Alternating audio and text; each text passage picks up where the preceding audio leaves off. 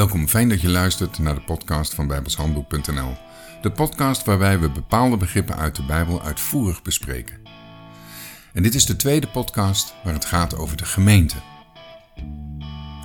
De gemeente is de vertaling van het Griekse woord ecclesia. En dat is zoiets als volksvertegenwoordiging of parlement. En dat is een groep mensen die uitgekozen is om over het volk te regeren. Dat is ook de taak van de gemeente. Nu nog niet, maar straks in de toekomst wel. De gemeenteleden zijn niet uitgekozen door het volk, maar door God. Ze zijn als het ware door God uit het volk geroepen om over het volk te regeren. 1 Petrus 2, vers 9. Maar gij zijt een uitverkoren geslacht, een koninklijk priesterdom, een heilig volk, opdat gij zoudt verkondigen de deugden desgene die u uit de duisternis geroepen heeft tot zijn wonderbaar licht.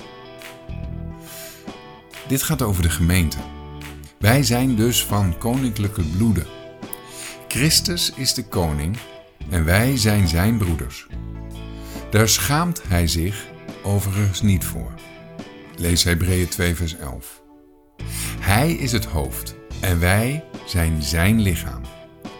Een lichaam is het uitvoerend orgaan van het hoofd.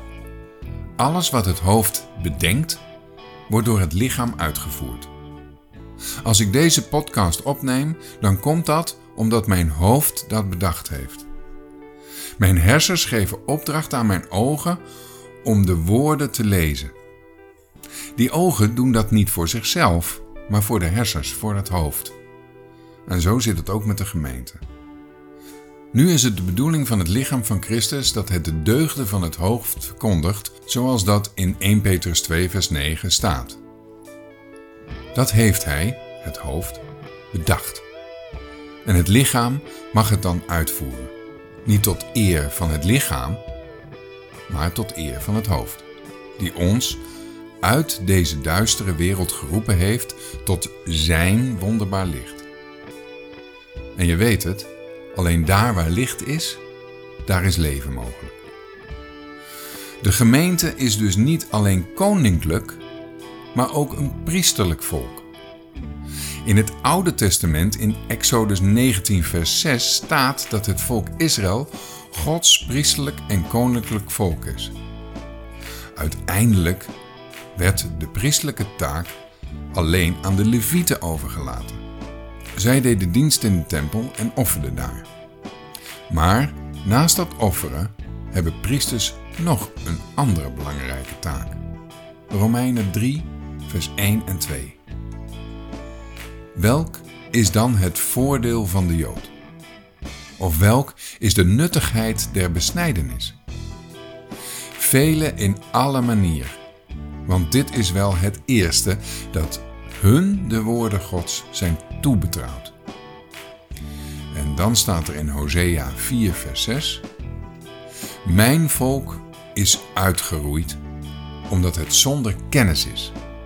Dewijl gij de kennis verworpen hebt, heb ik ook u verworpen, dat gij mij, het priesterambt, niet zult bedienen. Die belangrijke taak is het verkondigen van het woord van God, of zoals het in 1 Petrus 2 staat, het verkondigen van de deugden van Christus. Daarom zijn wij naast koningen ook priesters. En wat is er nu mooier dan te getuigen van diegene die jouw leven gered heeft? Om te getuigen van onze grote God en zaligmaker Jezus Christus. Hij heeft jou uit deze wereld getrokken tot zijn wonderbaar licht. Hij heeft ons overgezet in de hemel en daar mogen we deel uitmaken van zijn lichaam, van de gemeente. Hoewel we klein zijn, maakt hij ons groot. En wij maken niet onszelf groot, maar Hem, die ons het leven gaf. Of zoals Johannes het in Johannes 3, vers 30 zegt: Hij moet wassen, maar ik minder worden.